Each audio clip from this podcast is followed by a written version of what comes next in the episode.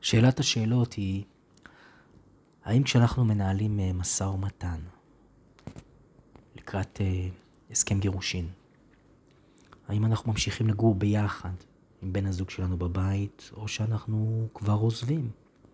מה נכון? אה, מה לטובתנו? מה יכול לפגוע בנו? אז כמובן שהתשובה היא ברורה. כל מקרה לגופו, ואתם חייבים להתייעץ. יחד עם זאת, אה, יש מקרים מסוימים שהנטייה תהיה להמליץ לסיים את המגורים המשותפים כבר בהתחלה, כבר בשלב המשא ומתן. אה, ובואו ניקח איזושהי דוגמה ככה ממש חמה מהתנור אצלנו, ממש ככה מאתמול.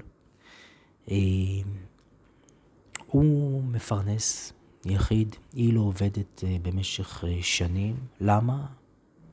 לא יודע למה. או מתוך איזושהי עצלנות, או מתוך איזשהו אה, שיקול אחר. הם בקושי שורדים את היום-יום. ובנוסף לכך, הוא גם מתפקד באופן מלא בבית אחרי שהוא חוזר אחרי 10-11 שעות עבודה. אה, הוא גם עושה את הניקיונות, הוא עושה את הכביסות, הוא עושה בישולים, היא לא עושה שום דבר. היא הפכפכה מאוד, היא מאיימת, אה, היא מגישה תלונות שווא במשטרה. יום אחד אומרת שהיא רוצה להיפרד, יום שני היא אומרת שהיא בחיים לא תיתן לו גט. יום אחד היא אומרת, אתה תראה את הילדים כמה שאתה רוצה, יום שני היא אומרת לו, אתה תראה אותם רק במרכז קשר. יום אחד היא אומרת לו, אני רוצה מזונות 8,000 שקל, יום אחר היא אומרת לו, מזונות 5,000 אה, שקל. כל מיני סיפורים כאלה. אה, וכשאנחנו בפגישה מנסים אה, להבין האם מדובר באיזשהו, באיזושהי התנהלות עכשווית, או שיש כאן דפוסי התנהגות שנמשכים על פני שנים, אז התשובה היא שמדובר בדפוסי התנהגות, שככה זה כבר שנים רבות. הסבל הוא רב, והוא החליט שהוא לא, לא מוכן יותר לחיות ככה. כשיש לנו בן זוג שכזה, במקרה הזה זה אישה שכזאת, עם התנהגויות, באמת, אנחנו מבינים שזה התנהגויות שהן לא נורמטיביות. הן שגרתיות עבורה ועבורו, כן, אבל זה לא התנהגות שהיא נורמטיבית. אמ, צריך להבין שאותם דפוסי התנהגות לא נורמטיביים, הם לא נעלמים כשאתה בא ואומר, אני רוצה להתגרש ובוא ננהל משא ומתן, ממש לא. אותם דפוסי התנהגות לא נורמטיביים נכנסים פנימה אל תוך, אל תוך המשא ומתן, אל תוך חדר המשא ומתן, אל תוך הזמן שבו מתנהל המשא ומתן. ולא רק שהם הם, אה, נכנסים פנימה אל תוך אה, אזורי המשא ומתן, אלא הם אף מתעצמים. אם יש לך בן זוג שהוא חרד, הוא יהיה עוד יותר חרד במשא ומתן. אם יש לך בן זוג שהוא הפכפך, הוא יהיה עוד יותר הפכפך בשלב המשא ומתן. אם יש לך בן זוג שהוא מאיים, הוא ימשיך עם האיומים ואלו עוד יגברו בשלב המשא ומתן. ולכן, כשיש לנו אנשים שכאלה בצד השני, עם דפוסי התנהגות מאוד מאוד מאוד מורכבים,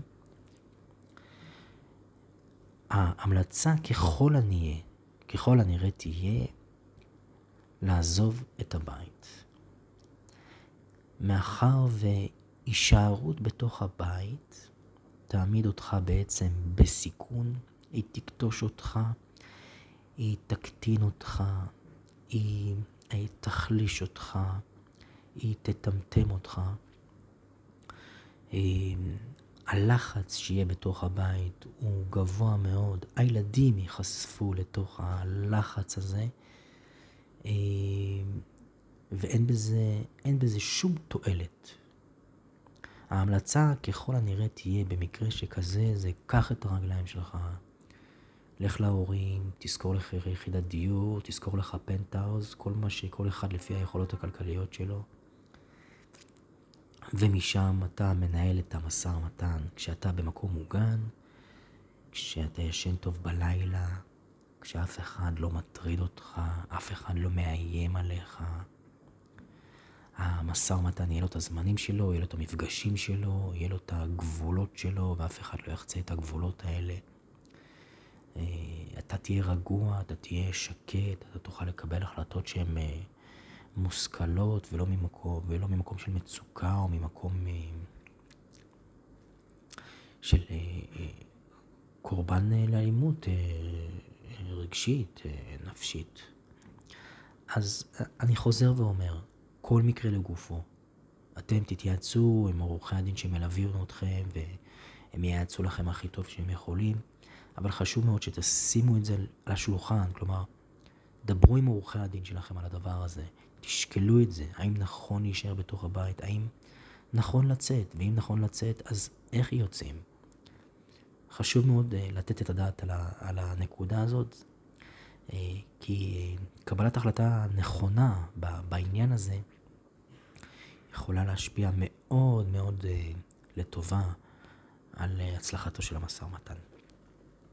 זהו, אני גיל שחף, הרבה בריאות, היו טובים, אנחנו נשתמע בפרק הבא.